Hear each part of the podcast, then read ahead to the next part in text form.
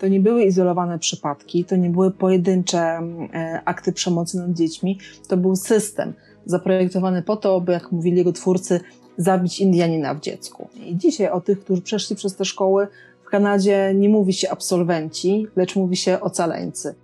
Rozmowa z Joanną Giera-Konoszko w tym odcinku podcastu dotyczy tekstu opublikowanego w najnowszym wydaniu specjalnym Tygodnika Powszechnego pod tytułem W drogę. Atlas miejsc niezwykłych. Więcej informacji na powszech.net ukośnik w drogę.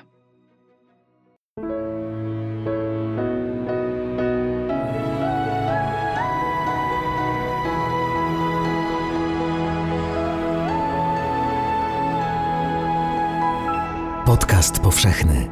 Weź, słuchaj.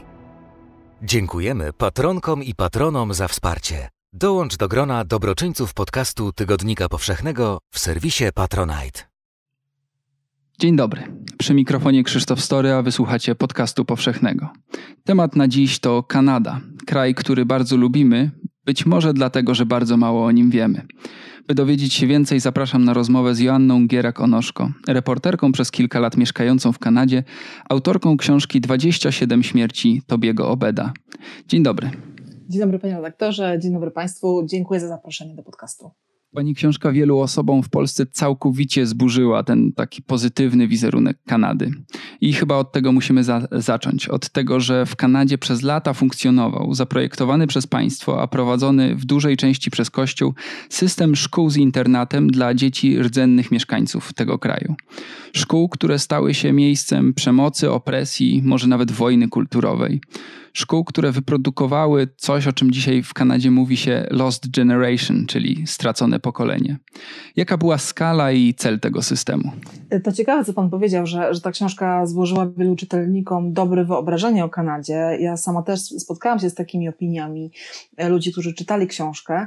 E, natomiast ja jestem e, tym trochę zaskoczona, dlatego że to pokazuje, że po pierwsze nie, bardzo mało interesujemy się światem dookoła nas, bo nie jest to sekret. To, co wydarzyło się w Kanadzie, nie jest głęboko skrywanym sekretem. To jest część historii współczesnej, e, historii powszechnej, e, więc nasze zdziwienie jako czytelników jest czymś dla mnie niepokojącym.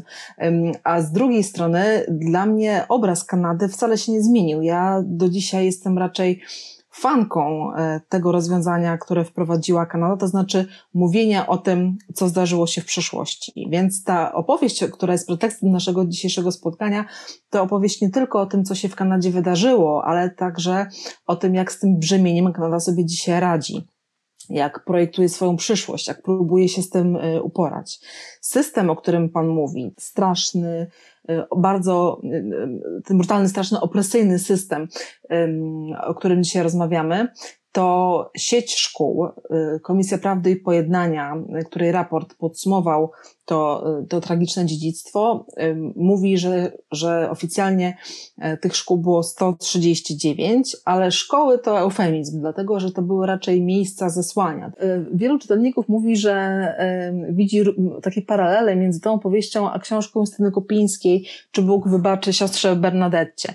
Ta niesamowita, bogata opowieść Justyny Kopińskiej dotyczy jednej sprawczyni, dotyczy y, jednej, jednej krzywdzicielki, która działała w jednej placówce. Tutaj mamy do czynienia z całym systemem. Wiemy, że takich szkół było blisko 140 i przeszło przez nie około 150 tysięcy rdzennych dzieci. To nie były izolowane przypadki, to nie były pojedyncze e, akty przemocy nad dziećmi, to był system zaprojektowany po to, by, jak mówili jego twórcy, zabić Indianina w dziecku.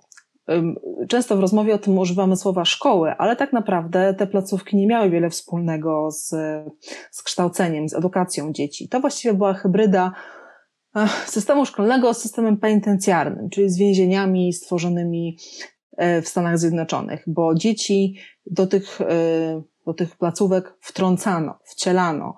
E, często odbierano je w niezwykle przemocowy sposób rodzicom, wywożono setki kilometrów Także po to, żeby te odległości uniemożliwiały kolejne spotkania, wychodziły stamtąd niezwykle okaleczone, e, nie tylko fizycznie, ale przede wszystkim psychicznie. I dzisiaj o tych, którzy przeszli przez te szkoły w Kanadzie nie mówi się absolwenci, lecz mówi się ocaleńcy. To pokazuje, jak dzisiaj patrzymy na to, co działo się z dziećmi zamkniętymi w tych szkołach warto chyba zwrócić uwagę na to, że nie mówimy tutaj o jakiejś zamierzchłej przeszłości. Szkoły z internatem w Kanadzie funkcjonowały y, do początku lat 90. To są bardzo współczesne e, czasy. Jakie dzieci e, przeszły przez ten system? Które grupy etniczne znalazły się na jego, jeśli mogę tak powiedzieć, celowniku? Ten system był zaprojektowany po to, żeby zniszczyć kulturowo, zatrzeć rdzennych mieszkańców ziem, które dzisiaj nazywamy Kanadą. Wytłumaczenie było dość proste. Wojna była zbyt kosztowna. Prowadzenie wojska, utrzymywanie go kosztowało bardzo dużo, a rodzące się państwo kanadyjskie nie miało ani odpowiedniej administracji, ani środków. Dlatego e, środkiem z wyboru do podboju tych ziem e, była nie wojna, lecz szkoła. To, było, to, to był taki przykład potwornej, okrutnej inżynierii społecznej, E, celem e, tej kampanii były rdzenne dzieci. E, do tych szkół wcielano nie potomków, jak często mówią dzisiaj dziennikarze, ale przedstawicieli rdzennych narodów. To, co pan rektor powiedział, że ostatnia szkoła zamknęła się w roku 96, to pokazuje, że to nie jest zamierzchła przeszłość, ale właśnie współczesność, dzisiejsza rzeczywistość Kanady. Do tych szkół wtrącano w tych szkołach, zamykano rdzenne dzieci, a także dzieci Inuitów, kiedyś powiedzielibyśmy Eskimosów i Metysów. Czyli każde dziecko, które było niebiałe, które pochodziło z rdzennych społeczności, które wyrastało w innej kulturze i mówiło innym językiem, e, było wyrywane z korzeniami po to, żeby te korzenie odciąć, aby je e, spalić i zniszczyć, i dziecko miało być formatowane, było mm, ubierane po europejsku, było strzyżone, było golone, a przede wszystkim próbowano zatrzeć w nim jego tożsamość. To znaczy, e, te przykłady są takie bardzo praktyczne, bo dzieciom zakazywano mówienia w, w ich rodzimych językach od pierwszego dnia nakazywano mówienie po angielsku lub po francusku dzieciom, które miały 4, 5, czasem tylko 2 latka. Tymczasem zamówienie w tych e, językach ojczystych groziła kara, groziło bicie, groziła e, głodówka, karcer i, i kary fizyczne. E, już od pierwszego dnia dzieci były wtrącane do obcego, wrogiego systemu, gdzie miały być zupełnie zmienione, miały, miały dostać nową tożsamość, a starą należało zniszczyć i pogrzebać. Pobyt w tej szkole to był jeden rozdział traumy, która ciągnie się przez kolejne pokolenia, ale nawet po opuszczeniu placówki ta szkoła nadal w dzieciach żyła. One nadal e, zmagały się z traumą tam im wszczepioną, dlatego że po opuszczeniu murów e, szkoły dzieci były często dysfunkcyjne, nie zakładały rodzin, a jeżeli już e, nawiązywały jakieś relacje i wchodziły w związki, to były one często oparte na przemocy i wykorzystywaniu. E, dzieci, które nie były nigdy tulone przez swoich rodziców, które były pozbawione matczynego ojcowskiego ciepła, były wychowywane przemocą przez wychowawców, e, przez opiekunów, same potem te przemocy replikowały i krzywdziły kolejnych, kolejnych ludzi. Dlatego w Kanadzie mówi się, że ofiarami systemu są nie tylko ci, którzy przez niego przeszli, ale także ich bliscy, dlatego że ta trauma rozlewa się na kolejne pokolenia. I nie jest to przeszłość zamierzchła, tak jak pan, pan zauważył, tylko jest to problem, który rodzi bardzo współczesne problemy, bardzo współczesne e, reperkusje i, e, i negatywne skutki, z którymi Kanada próbuje sobie dzisiaj poradzić, także na, tej, na tym poziomie społecznym i finansowym. Warto też powiedzieć, że chociaż system był zaprojektowany przez kanadyjską administrację, przez ojców narodu, to, to, rodzące się państwo nie było w stanie go samodzielnie utrzymać. I nie, te szkoły nie powstałyby, nie mogłyby funkcjonować, gdyby nie misjonarze. To właśnie przedstawiciele duchowieństwa, kleru, przede wszystkim księża katoliccy, prowadzili takie szkoły. Dzisiaj szacuje się, że dwie trzecie tych placówek było zarządzanych księżowską ręką, jedna trzecia była prowadzona przez kościoły różnych denominacji protestanckich. Natomiast yy, mówiąc o szkołach dla rdzennych dzieci w Kanadzie, nie można pomijać, nie można umniejszać tragicznej yy, roli Kościoła katolickiego w stworzeniu i utrzymaniu tego systemu. Cytat z książki. Życie w katolickiej szkole z internatem imienia świętej Anny w Fort Albany na północy prowincji Ontario było jak film, a konkretnie jak pasja Mela Gibsona. Mm, w książce jest wiele takich bardzo przejmujących fragmentów. Myślę, że najbardziej y, dotykające jest, y, są te historie o powtarzaniu traumy, o, o tym, że robi, robimy to, co nam robiono, o tym, że faktycznie ta, ta trauma się replikuje i, i nie kończy się na murach y, tej czy innej szkoły. To wszystko dzieje się w kraju, który kojarzymy z syropem klonowym, z sympatycznymi łosiami i z uprzejmością. Y, uprzejmością, o której nawet pani pisze w najnowszym wydaniu specjalnym y, Tygodnika Powszechnego, czyli w drogę, do którego lektury zachęcamy. Tam jest pani tekst zatytułowany Sorry Canada. O tym, że jednym z elementów kanadyjskości w ogóle jest niesamowita uprzejmość, życzliwość, gościnność o tym, że jak wpadnie się na kogoś w tramwaju, to się go natychmiast y, przeprasza, a on przeprasza w zamian ciebie za to, że ty na niego wpadłeś. I ja tego nie mogę zrozumieć czy to jest ta sama Kanada, która projektowała te szkoły z internatem? Czy istnieją jakieś dwie różne Kanady? Jak te obrazy się na siebie nakładają i stykają? Czy one w ogóle mają ze sobą kontakt? Ale nie ma jednej Kanady, tak samo jak nie ma jednej Polski, nie ma jednej narracji o Polsce. I Kanada i nasz kraj są splecione, zbudowane z bardzo wielu wątków, y, niektórych bardzo trudnych. I ta uprzejmość kanadyjska, legendarna, wręcz ikoniczna, moim zdaniem nie stoi E, nie kłóci się z tą opowieścią, y, z tą trudną opowieścią o dziedzictwie szkół z internatem. To, że teraz o nich mówimy, to, że Kanadyjczycy powołali Komisję Prawdy i Pojednania do zbadania e, całego tego systemu, to, że próbuje się wezwać kolejnych papieży do przeproszenia, to, że uruchamia się wypłatę środków finansowych aby wesprzeć ocalonych. To wszystko jest, e, składa się na obraz Kanadyjczyków, którzy chcą ponieść odpowiedzialność cywilną i są gotowi do przeproszenia, to znaczy do powiedzenia, tak, skoro mamy ofiary, to znaczy, że muszą też być krzywdziciele. I ta gotowość E, do wzięcia odpowiedzialności e, i do, do, tak, do empatyzowania z cudzym cierpieniem, cudzym bólem jest czymś dla Kanadyjczyków bardzo, e, bardzo charakterystycznym. Ja przy pracy nad tym tekstem, który ukaże się teraz w Tygodniku Powszechnym, w dodatku w drogę, rozmawiałam z panią ambasador Kanady w Polsce na Białorusi, panią Leslie Scanlon, która mówiła, że to jest y, rzeczywiście taka immanentna cecha Kanadyjczyków, ale ona na co dzień nie widzi, bo sama wychowała się w takiej kulturze, wyrosła w takim klimacie i dla niej ta uprzejmość, ta serdeczność jest czymś takim niedotykalnym, nienazywalnym, właściwie jak powietrze. Kanadyjczycy sami na co dzień tego e, nie widzą, oni po prostu w ten sposób żyją, a jest to sposób, który e, ułatwia nawiązywać bardzo, nawet powierzchowne, ale bardzo serdeczne i życzliwe relacje. Kanada jest krajem niejednolitym, jest krajem niesamowicie zróżnicowanym pod względem etnicznym, kulturowym, religijnym i w takiej mozaice potrzeba wspólnego mianownika, potrzeba takiej umowy społecznej, która zakłada, że poszczególni, poszczególne grupy, tak od siebie różne, będą E, mogły pokojowo współistnieć. Więc ta legendarna uprzejmość, ta, to przepraszanie, które może być momentami e, dla nas zabawne, ale które wzięło się także z takiego brytyjskiego savoir vivre, nie kłóci się moim zdaniem z tym, że tych opowieści o Kanadzie e, jest tak dużo i one są względem siebie komplementarne. Powiedziała Pani o styku wielu różnych kultur ja mam na tę okoliczność cytat właśnie z tego naszego nowego numeru specjalnego. W odróżnieniu od sąsiednich stanów, Kanada nie jest tyglem kultur. To raczej mozaika, bo jej części nie przenikają się i nie łączą ze sobą. E, dlaczego? To znaczy, czy tutaj decydującą rolę odgrywa czynnik w Kanadzie niebagatelny, czyli ukształtowanie terenu i po prostu rozległość tego kraju?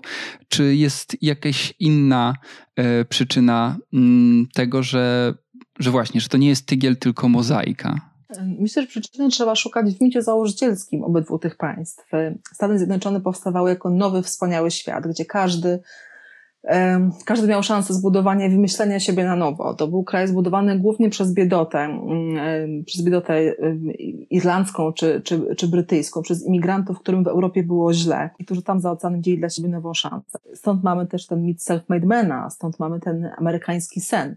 Natomiast mit założycielski Kanady był zupełnie inny. Ona miała być kolonią, miała być odpryskiem e, brytyjskiego imperium. To miała być miało być zamorskie terytorium, które będzie odzwierciedleniem najważniejszych y, cnót Imperium Brytyjskiego. Dlatego to filozoficzne podejście, ten, ta myśl stojąca za założeniem każdego z tych państw była zupełnie inna. I to też pokazuje, że historia w każdym z tych państw rozwijała się zupełnie inaczej. Oczywiście dzisiaj musimy wziąć też pod uwagę czynniki demograficzne. Kanada jest krajem dużo rzadziej zaludnionym. Populacja kanadyjska jest dużo mniejsza od amerykańskiej. E, te relacje też inaczej się, inaczej się rozwijają i myślę, że można pokusić się o takie uproszczenie, ale ono pokazuje e, e, sens zjawiska. Jeżeli żyjemy w kraju, w którym, że żyjemy na terenie, w którym do najbliższego szpitala, stacji benzynowej, telefonu jest bardzo, bardzo daleko, to musimy żyć dobry, dobrze ze swoim sąsiadem to musimy um, mieć dobre relacje w najbliższym otoczeniu, bo my któregoś dnia możemy potrzebować pomocy, albo sami będziemy o, o, nią poproszeni. Więc takie poleganie na sobie nawzajem w Kanadzie to jest element strategii przetrwania. Na terenach gęsto zaludnionych, na przykład w Europie, gdzie jesteśmy sobą wszyscy często zmęczeni, kiedy siedzimy sobie na głowie, kiedy potykamy się o siebie, raczej nie szukamy kolejnych relacji, nie, nie wyciągamy ręki, nie jesteśmy otwarci na nowe znajomości. Natomiast w Kanadzie, e, gdzie e, od pomocy drugiego człowieka często zależy nasz, nasz byt, te relacje muszą być utrzymywane. Jednocześnie jest to państwo bardzo wielokulturowe i wieloetniczne. W samym Toronto na ulicach można usłyszeć ponad 150 języków, a ponad połowa mieszkańców przyszła na świat poza Kanadą. Tego 3-milionowego bodajże miasta. Kanada też w wielu aspektach funkcjonuje dzisiaj, y, przynajmniej w naszym wyobrażeniu, nie wiem czy tak jest naprawdę, jako trochę antyteza Stanów Zjednoczonych, trochę y, w opozycji do, do tego właśnie amerykańskiego snu i takiego, takiego tygla kulturowego. Y, sam premier Kanady, Justin Trudeau, mówił w jednym wywiadzie już parę lat temu, że Kanada jest pierwszym państwem postnarodowym, taką wspólnotą, która jest oparta na czym innym niż tym kryterium etnicznym, yy, niż kryterium narodowym. Czy pani to ocenia jako taki marketing polityczny, jako takie szumne zapowiedzi, czy to faktycznie jest trafna diagnoza, że to jest pierwsze państwo postnarodowe, jakie mamy? Myślę, że y, ten slogan o pierwszym państwie postnarodowym y, to jest bardzo udana próba zdefiniowania kanadyjskości tego, co to znaczy dzisiaj być Kanadyjczykiem. Dlatego, że w Kanadzie to pytanie, kim jesteśmy i jacy jesteśmy, jest zadawane bez przerwy, na bardzo wielu różnych poziomach, przy bardzo wielu różnych okazjach. Dlatego, że Kanadyjczycy najczęściej wymieniają taki dość otwarty katalog e, cech, który określa ich jako, jako naród, ale nie są, ten katalog nie jest e, ustalony raz na zawsze i oni nie są zgodni co do tego, co to znaczy dzisiaj być Kanadyjczykiem. Bardzo trudno jest zdefiniować kanadyjskość, kiedy bierzemy pod uwagę, jak wieloetniczne, wielokulturowe i wielojęzyczne jest to społeczeństwo. I słowa premiera Trudeau dobrze pokazują, że Kanada szuka nowej formuły na to, jak siebie nazwać, a także jak siebie projektować, bo bardzo trudno prowadzić dalsze badania, bardzo trudno planować kolejne kroki, kiedy nie wiemy, jaki mamy punkt y, y, zbiórki, kiedy nie wiemy, z czego wychodzimy. I myślę, że ta definicja y, oscylująca wokół społeczeństwa przyszłości dobrze oddaje ducha Kanadyjczyków. Oni często narzekają na to, że są definiowani przez antytezę do Amerykanów.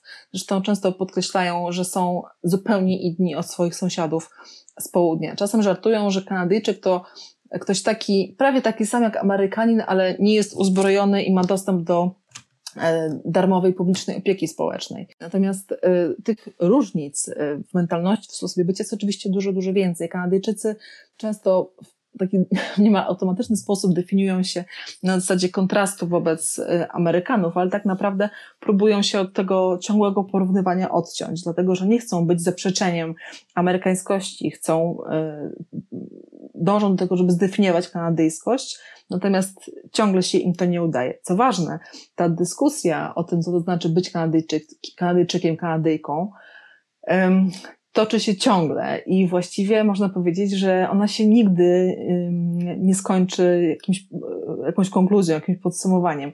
Kanada jest krajem w fazie ciągłego projektu, to jest dzieło otwarte. To jest kraj, który ciągle definiuje się na nowo, który ciągle adaptuje się do zmieniających się okoliczności, który też ciągle mierzy się i, i waży. Tam bez przerwy prowadzone są cenzusy i badania, także po to, żeby na przykład dopasować projekty budowlane do zmieniającej się demografii, po to, żeby zaplanować miasto, żeby zbudować nie tylko mieszkania, ale też infrastrukturę, tak, by odpowiadała potrzebom ludzi, którzy dzisiaj są maleńcy, ale za kilka, kilkanaście lat będą potrzebowali będą dorośli i będą e, inaczej korzystać z miasta. Więc to ciągłe mierzenie się, to ciągłe ocenianie się i, i e, zbieranie danych o tym, kim Kanadyjczycy są i jacy będą za chwilę, pomaga im bardzo zaplanować przyszłość dla siebie i dla tych, którzy wkrótce tam przyjadą, bo Kanada ciągle stawia na imigrację. Premier Trudeau już kilka lat temu tą taką szumną deklaracją o pierwszym państwie postnarodowym niejako zadeklarował, że, że Kanada już znalazła nową formułę. E, pani jest ostrożniejsza, mówi pani, że Kanada szuka tej nowej formuły, e, ale szuka z dobrymi, e, te poszukiwania mają swoje dobre konsekwencje. Wrócę do tematu książki. Jak dzisiaj funkcjonuje, jaka jest dzisiaj sytuacja rdzennej ludności w Kanadzie. Po tym wszystkim, po pracach y, trwających od 2008 do 2015 roku Komisji Prawdy i Pojednania, y, po raporcie, po wielu rozliczeniach, na ile to zmieniło ich dzisiejszą sytuację? Kiedy pracowałam nad książką, często zasięgałam rad Katarzyny Sulmiak-Domańskiej, doświadczonej reporterki, która chyba jak mało kto w Polsce umie pracować z traumą i z, z trudnym bohaterem. I Katarzyna powiedziała mi któregoś dnia, że słowo szok może w jednym tekście, w jednej książce paść tylko raz. I zdecydowałam, że to słowo pojawi się wtedy, kiedy czytelnik dowie się o publikacji Komisji Prawdy i Pojednania i poda tam takie zdanie, że konfrontacja z jego treścią była dla Kanadyjczyków szokiem. Dlatego, że e, publikacja tego raportu w 2015 roku zmieniła wszystko. Zmieniła to, jak Kanadyjczycy patrzą na siebie, także na swoją historię i na to, jak mają wychowywać kolejne pokolenia. E, jak odpowiedzieć sobie na pytanie, skąd wzięła się Kanada e, i co to naprawdę znaczy urodzić się w Kanadzie, być Kanadyjczykiem. Konfrontacja z tym raportem była jednoznaczna, to znaczy zebrane przez komisję fakty nie podlegały dyskusji. Do tej pory ludzie domyślali się, słyszeli, e, dowiadywali się, ale to była taka wiedza powszechna, natomiast nieudokumentowana. Natomiast od momentu publikacji raportu Prawdy i Pojednania nikt w Kanadzie nie może powiedzieć, że nie wiedział. E, do tej pory e, w szkołach ten temat na lekcjach historii rzadko kiedy był poruszany. Na lekcjach literatury też nie mówiono o rdzennych twórcach, natomiast po publikacji tego raportu temat też podchwyciły media, także media głównego nurtu i rozpoczęła się w Kanadzie rewolucja. E, od lat obserwujemy emancypację rdzennej ludności, rdzennych Kanadyjczyków. E, warto też zauważyć, że stanowią oni w Kanadzie około 6% mieszkańców. To jest mniejszość, ale niesamowicie widoczna, niesamowicie aktywna w walce o swoje prawa i walce o należne miejsce nie tylko w historii, ale też we współczesności, także o należne miejsce w systemie gospodarczym. E, I e, w liczbach bezwzględnych rdzennych mieszkańców w Ameryce Północnej jest dużo więcej, natomiast są oni dużo mniej widoczni. Nie są tak aktywni, nie są tak dobrze zorganizowani, więc współcześnie od kilku, y, kilku lat widzimy ogromną zmianę w tym, jak Kanada patrzy nie tylko na swoją historię, ale też na swoją teraźniejszość. Ta opowieść o, e, o rdzennych mieszkańcach Kanady wybrzmiewa zupełnie inaczej. Oczywiście nie znaczy to, że wszyscy są jednakowo pozytywnie nastawieni do takich zmian. Wielu konserwatywnych e, dziennikarzy, publicystów, a także mieszkańców Kanady e, jest tym tematem znużonym, znużonych albo próbują ten temat zminimalizować, zbagatelizować, podkreślają, że są inne kwestie, które zasługują na większą uwagę zarówno mediów, jak i polityków. Natomiast ja mam takie poczucie, że kwestia pojednania i dystrybucji i naprawienia tego, co się wydarzyło w Kanadzie, już z agendy nie zejdzie. To już jest coś, o czym Kanadyjczycy wiedzą, z czym się skonfrontowali, z czym radzą sobie, na, muszą sobie radzić na co dzień i nie jest to temat, który będzie kiedykolwiek zamieciony pod dywan. Ja mam wrażenie, że oni się z tą kwestią muszą konfrontować na co dzień y, i to w coraz nowych odsłonach. Y, ostatnio choćby y, odkrywane są kolejne cmentarze przy szkołach z internatem, tak? W Saskatchewan, grob 7, 751 dzieci przy dawnej szkole.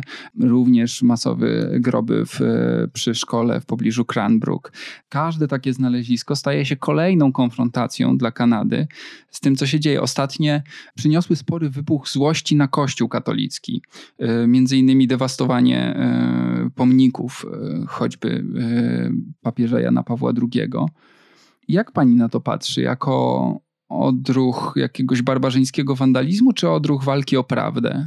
Czy gdzieś pomiędzy? Ja te doniesienia e, o tym, że niszczone są pomniki, czy, e, czy oblewane farbą drzwi do świątyń, traktuję jako gestę rozpaczy, e, a nie wandalizmu.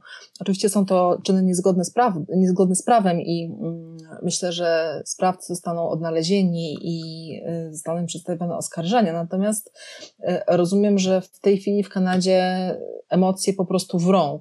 Tam temperatura jest bardzo wysoka, dlatego że odkrycie kolejnych e, cmentarzy, w których leżą szczątki dzieci, które nigdy nie wróciły do domu i które, e, których śmierć zatajono e, i okoliczności tych śmierci też zostały przemilczane, kładzie się ogromnym cieniem na, na kościele katolickim, który zarządzał szkołami, o których w ostatnich tygodniach słyszymy w Kanadzie.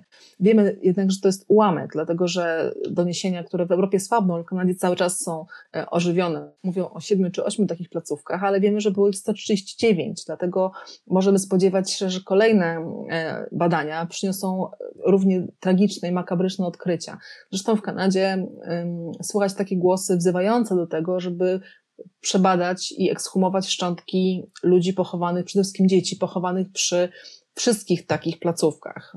Spodziewam się, spodziewają się tego też Kanadyjczycy, że takich odkryć będzie więcej, takich erupcji gniewu, erupcji trudnych emocji też będzie więcej. Chcę też zaznaczyć, że nie tylko pomnik Jana Pawła II został oblany czerwoną farbą, czy pobrudzony dłońmi umoczonymi w czerwonej farbie, ale strącono także um, z cokołów pomniki ludzi, którzy firmowali ten system. Od kilku lat mamy do czynienia z, z dewastacją, niszczeniem i usuwaniem z pomników, z cokołów pomników um, takich ludzi jak premier McDonald, który był pierwszym e, szefem rządu kanadyjskiego, ale także twórcą, architektem tego systemu, albo Egertona Ryersona, czyli ministra edukacji i też jednego z architektów e, systemu szkół z internatem, a także królowej Wiktorii albo królowej Elżbiety II.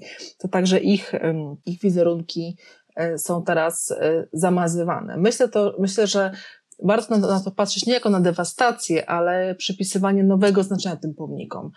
Myślę, że zostaje też otwarte pytanie, czy powinny one stać, czy powinny być usunięte. Być może powinny zostać, ale z odpowiednią adnotacją. Być może na tabliczkach powinno się mówić, kim byli i jakie e, zasługi w cudzysłowie mają ci e, którzy na tych e, pomnikach są. Mówiła Pani, że należy te protesty traktować jako mm, formę krzyku rozpaczy czy przedstawicielom First Nations, czyli tych ludów rdzennych w Kanadzie, zostało jeszcze coś poza takim krzykiem rozpaczy. To znaczy, jak wygląda dzisiaj ich polityczna y, siła? Czy to jest, czy oni mają swoją reprezentację y, i jak jest słyszalny ich głos w takiej sferze bardziej politycznej? Tak, rdzenni mieszkańcy Kanady są bardzo widoczni na scenie politycznej, mają swoich prominentnych polityków, którzy walczą o E, o uznanie ich praw. Zresztą mają na tym polu ogromne sukcesy. Ostatnio e, słyszeliśmy o tym, że e, jest plan, aby włączyć do kanadyjskiego systemu prawnego instytucje pochodzące właśnie z, z, z rdzennych społeczności. No to jest fenomenalny pomysł, fenomenalna sprawa, dlatego że poza tym prawem precedensowym czerpanym z dorobku brytyjskiego do systemu federalnego zostanie i prowincjonalnego zostaną inkorporowane rozwiązania e, oparte na na, na, normach prawnych y, z, z rdzennych społeczności, przede wszystkim w obszarze mediacji. Więc to jest coś, y, coś fantastycznego, że kanadyjski system prawny otwiera się na takie rozwiązania. E, Kanadyjczycy rdzennego pochodzenia mają swoją dużą i bardzo widoczną reprezentację polityczną, są niezwykle aktywni i politycznie, i coraz bardziej także ekonomicznie. Tak jak powiedziałam, e, dynamika jest zupełnie inna od tego, co widzimy w Stanach Zjednoczonych i stanowi też taki impuls, taką zachętę dla innych e, rdzennych społeczności, społeczności, także w Ameryce Środkowej Południowej, do tego, żeby się emancypować, do tego, żeby e, walczyć o swoje prawa. Myślę, że jesteśmy teraz świadkami takiej zmiany e, w równowadze politycznej, także ekonomicznej. Kanada jest tutaj e, no, na pewno w światowej awangardzie. Tak, chociaż cały proces y, tego uzyskiwania głosu przez społeczności rdzenne myślę tutaj zwłaszcza o Ameryce, aczkolwiek nie tylko północnej, jest dużo szerszy niż y, Kanada. Kanada jest, może tutaj faktycznie służyć za, nie chcę powiedzieć poligon, ale za taką lekcję y, dla kilku innych państw, które muszą zmierzyć się, czy już mierzą się ze swoją trudną y, przeszłością. No bo przecież szkoły z internatem i taki przymusowy system reedukacji funkcjonował nie tylko w Kanadzie, funkcjonował też w Stanach Zjednoczonych, funkcjonował też w Australii, gdzie też mówi się przecież o Lost Generation, o z, straconym pokoleniu to jest y, dużo szersze zjawisko e, i dość nowe. No bo też na przykład w Stanach na fali protestów związanych z ruchem Black Lives Matter też jest kwestionowana historia. Też są zwalane pomniki, które wydawałyby się wieczne. Pomniki choćby odkrywców, tak, kolonizatorów Krzysztofa Kolumba. Jak pani sądzi, Czego może te pozostałe państwa Kanada nauczyć? Jaką lekcję możemy wyciągnąć? Jakie rozwiązania zastosować, które okazały się w Kanadzie na przykład skuteczne? Och, myślę, że tych lekcji może być kilka, ale najważniejsza jest taka, że żeby wyruszyć w podróż, trzeba mieć ustalony punkt zbiórki, to znaczy trzeba mieć ustalony punkt wyjścia, trzeba wiedzieć na czym stoimy, a to będzie niemożliwe bez weryfikacji faktów. Czasem w Kanadzie słyszałam takie powiedzenie, że można mieć swoje opinie, ale nie można mieć swoich własnych faktów. To znaczy, wszyscy musimy się zgodzić do pewnego stanu rzeczy. I w Kanadzie wykonano ogromną pracę, zmierzającą do tego, żeby ustalić skalę zniszczeń, żeby ustalić, co tak naprawdę działo się dzieciom w tych szkołach, żeby policzyć nie tylko ofiary, ale żeby też próbować znaleźć sprawców, aby spróbować, przepraszam, oszacować e, też skalę cierpienia zadaną bliskim, kolejnym pokoleniom. Wykonano ogromną pracę badawczą, na którą pochylali się nie tylko historycy, ale także psychologowie, politycy. E, muszę tu już podkreślić rolę mediów i rolę instytucji edukacji, które wykonały no, ogromną pracę u podstaw, dlatego że e, kiedy podręczniki nie były jeszcze aktualizowane, nie były gotowe, to właśnie dziennikarze wzięli na siebie tę odpowiedzialność, żeby informować Kanadyjczyków o tym, czym były szkoły z internatem, żeby informować o kolejnych odkryciach, o kolejnych znaleziskach, o o historiach ocaleńców. E, wcześniej już oswoili opinię publiczną z tym tematem, dźwignęli ten temat z takiego niszowego, bolesnego wątku do, do mainstreamu, do, do głównego nurtu kanadyjskich mediów. Zaczęły mówić prawdę o tym, że e, to nie osadnicy byli pierwszymi mieszkańcami tej, tej ziemi, tylko właśnie rdzenni mieszkańcy, e, którzy powiedzieli, dlaczego ich już dzisiaj nie ma, co się z nimi stało i przez kogo. No to oni wykonali te największą rewolucyjną pracę. I myślę, że ta droga Kanady, to odrobienie bardzo trudnej lekcji, to pogodzenie się z faktami, to, uznania, to uznanie ich za bezdyskusyjne, ta próba oceny nagich faktów, bez, bez próby zawłaszczenia historii, bez próby zmienienia tej, tej narracji dopasowanej do politycznych oczekiwań czy, czy politycznych zapotrzebowań, to jest coś, co jest warunkiem każdego procesu dochodzenia do prawdy, każdego pojednania. I myślę, że jakikolwiek inny kraj, jakakolwiek inna społeczność, która mierzy się z trudną historią i próbuje poradzić sobie z tym, skąd się wzięła, jaka jest, powinna z tej lekcji kanadyjskiej skorzystać powinna spojrzeć na siebie w prawdzie, bez upiększeń, e, bez lukru, bez przekłamywania e, i zakłamywania swojej skomplikowanej, trudnej historii. Myślę, że to jest taka lekcja, taki pierwszy krok na drodze do tego, żeby, żeby siebie zrozumieć.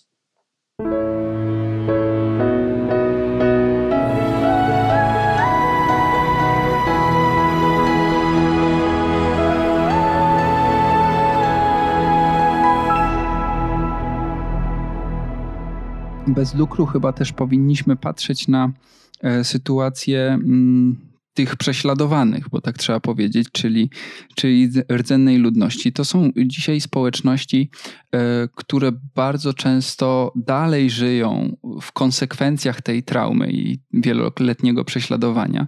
Społeczności, w których status materialny jest niższy niż średnia kanadyjska. Bardzo borykają się często z problemami e, takimi jak alkoholizm czy inne nałogi.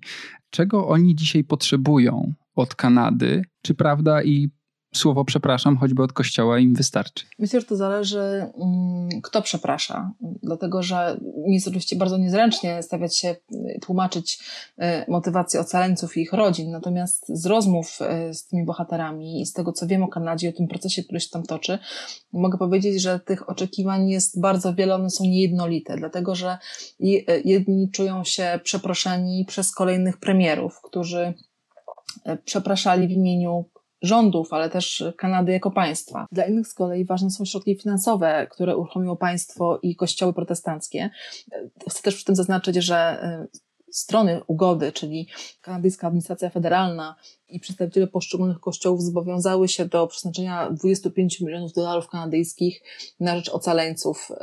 Natomiast z tego zobowiązania nie wywiązał się tylko Kościół katolicki, który tych pieniędzy nie zebrał i nie wsparł ocalonych.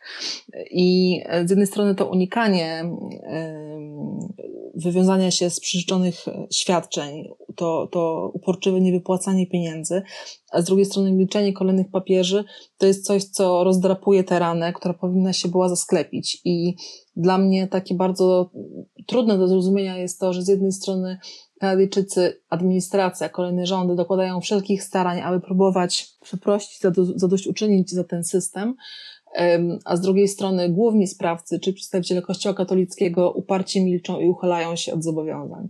I dopóki Kościół nie uzna swoich win i swojej roli w tym systemie, dopóki papież nie przemówi, dopóki Kościół nie uruchomi e, przyszłonych e, środków finansowych, myślę, że te, myślę, że ta rana będzie cały czas e, się jątrzyła i, i będzie trudno mówić o jakimkolwiek pojednaniu i o wybaczeniu. Cała ta opowieść i nasza rozmowa chyba jest o tym, że pojednanie nie jest taką prostą sprawą.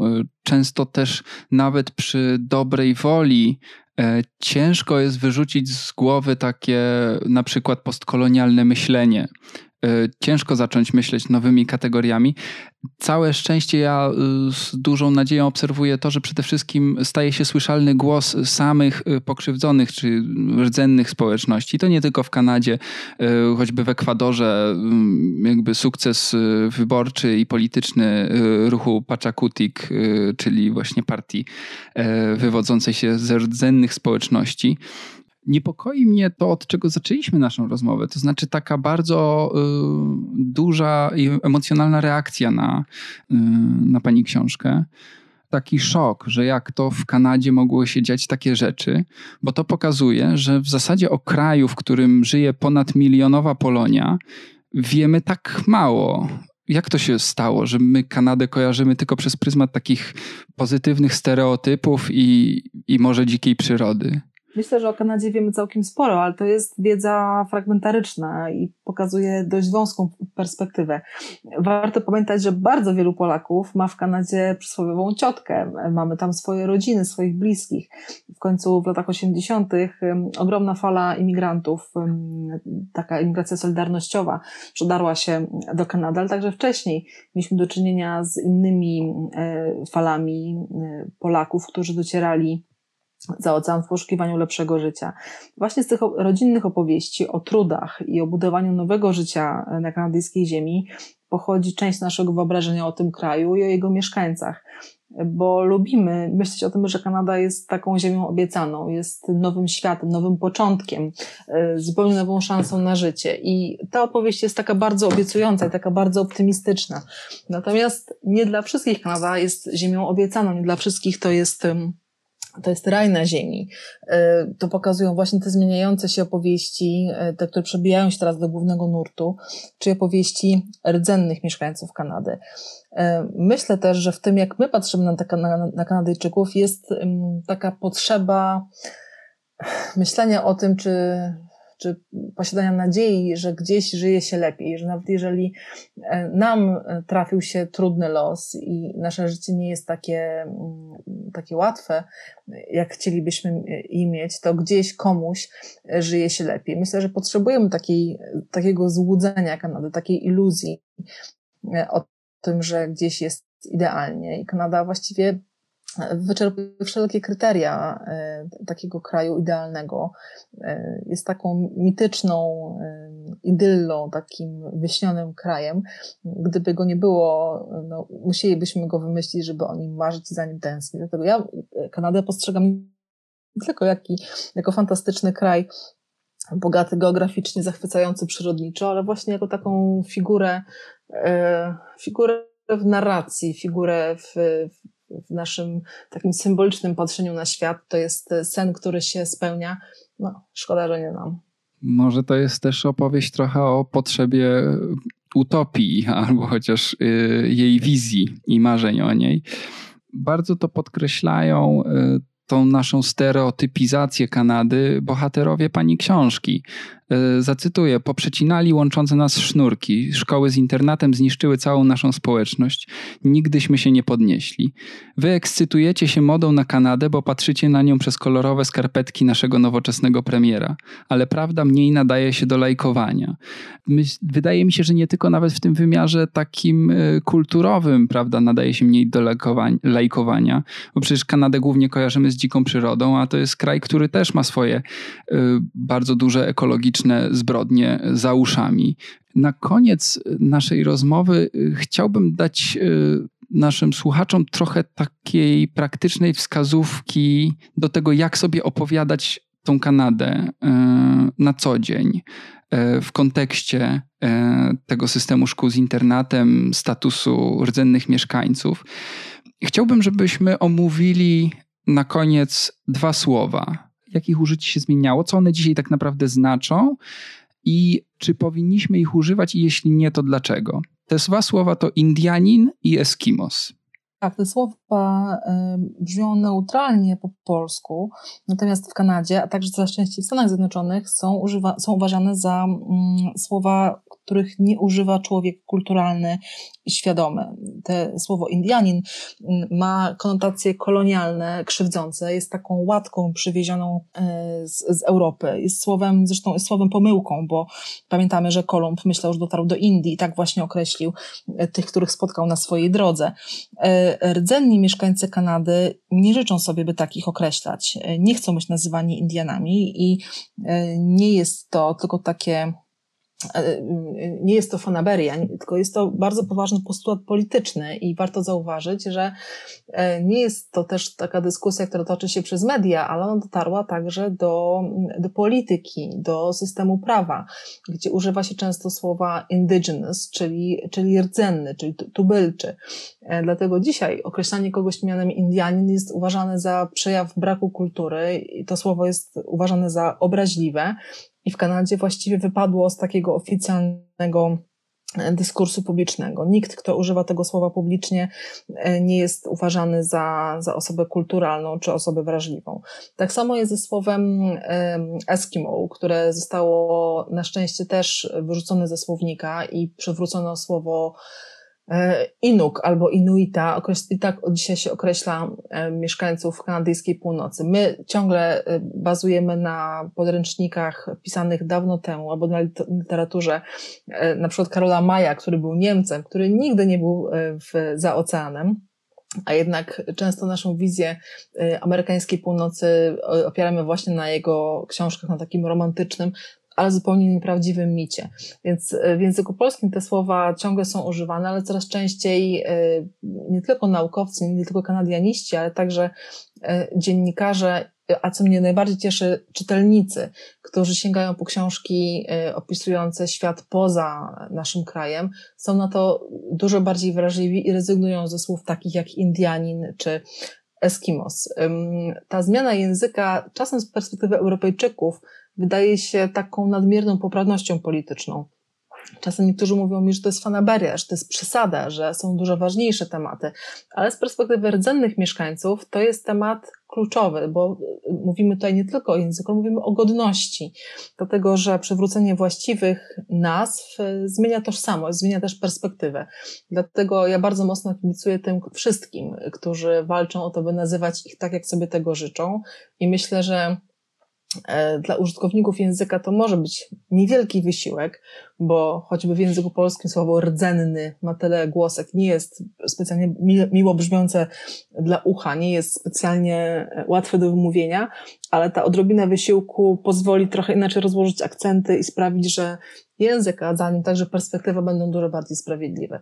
Dlatego ja zachęcam Państwa, e, nasze słuchaczy do tego, żeby spróbowali trochę zmienić perspektywę, trochę bardziej empatyzować z tymi, o których e, dzisiaj mówimy i nazywać ich tak, jak oni sobie tego życzą, czyli już nie Indianie, ale rdzenni, już nie Eskimosi, ale Inuici.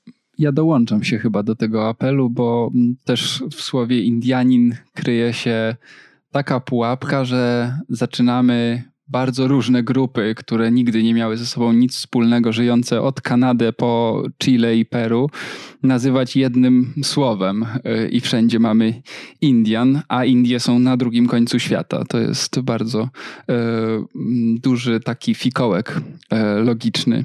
Faktycznie ta zmiana w języku też może e, przynieść nam pewną zmianę w myśleniu. Ostatnie pytanie mam do pani, takie już bardziej osobiste. Czy pani po tym wszystkim, po napisaniu książki, która od czego zaczęliśmy, zburzyła w Polsce pozytywny wizerunek Kanady, czy pani lubi ten kraj? Ja uwielbiam ten kraj. To jest naprawdę mój drugi ulubiony kraj świata, czasem pierwszy. E, podziwiam Kanadyjczyków e, nie tylko za to, jak rozprawiają się ze swoją przeszłością, ale za to, że bardzo myślą na, o przyszłości, że stawiają na młodych, e, stawiają na tych, którzy przyjdą po nas, a przyjdą już za chwilę. Ja jestem, spędziłam tam kilka bardzo trudnych, ale bardzo pięknych lat. Bardzo dobrze się tam czułam nie ma dnia, żebym nie tęskniła za Kanadą, za tym stylem bycia, za tą otwartością, za takim pozytywnym wzmacnianiem się.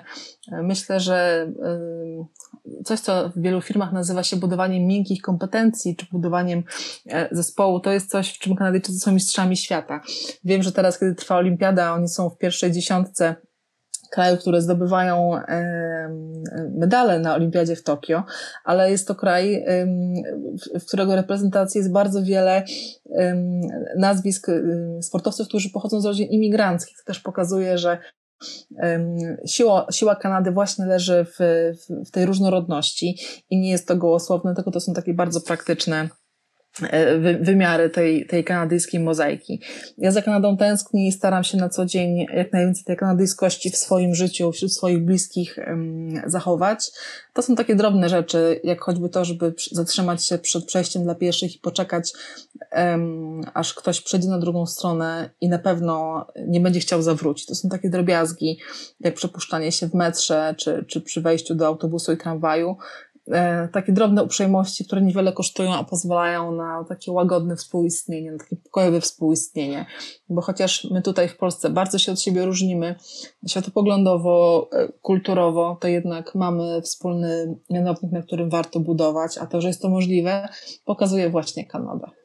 Więcej o tej uprzejmej stronie Kanady y, mogą Państwo przeczytać w nowym wydaniu specjalnym Tygodnika Powszechnego, czyli W Drogę.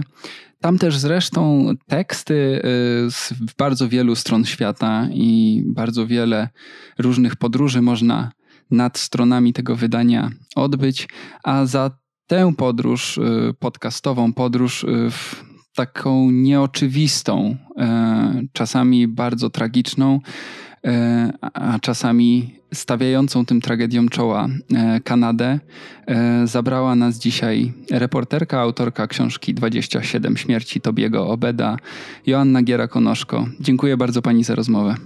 To ja bardzo dziękuję za rozmowę. Życzę Panu i Państwu wszystkiego dobrego, a ja sama sięgam niedługo po cały numer w drogę, bo jestem ciekawa też innych opowieści o świecie, który nas otacza. Zachęcamy do lektury, a w naszym podcastowym spotkaniu to już wszystko. E, słuchaliście Państwo podcastu powszechnego. Ja nazywam się Krzysztof Story. Miłej lektury i do usłyszenia. Współwydawcą podcastu powszechnego jest Fundacja Tygodnika Powszechnego. Jeśli słuchają nas Państwo w Spotify albo w Apple Podcasts, zasubskrybujcie nasz kanał. Jesteśmy też w Google Podcasts i w aplikacji Lekton oraz na www.tygodnikpowszechny.pl/podcast.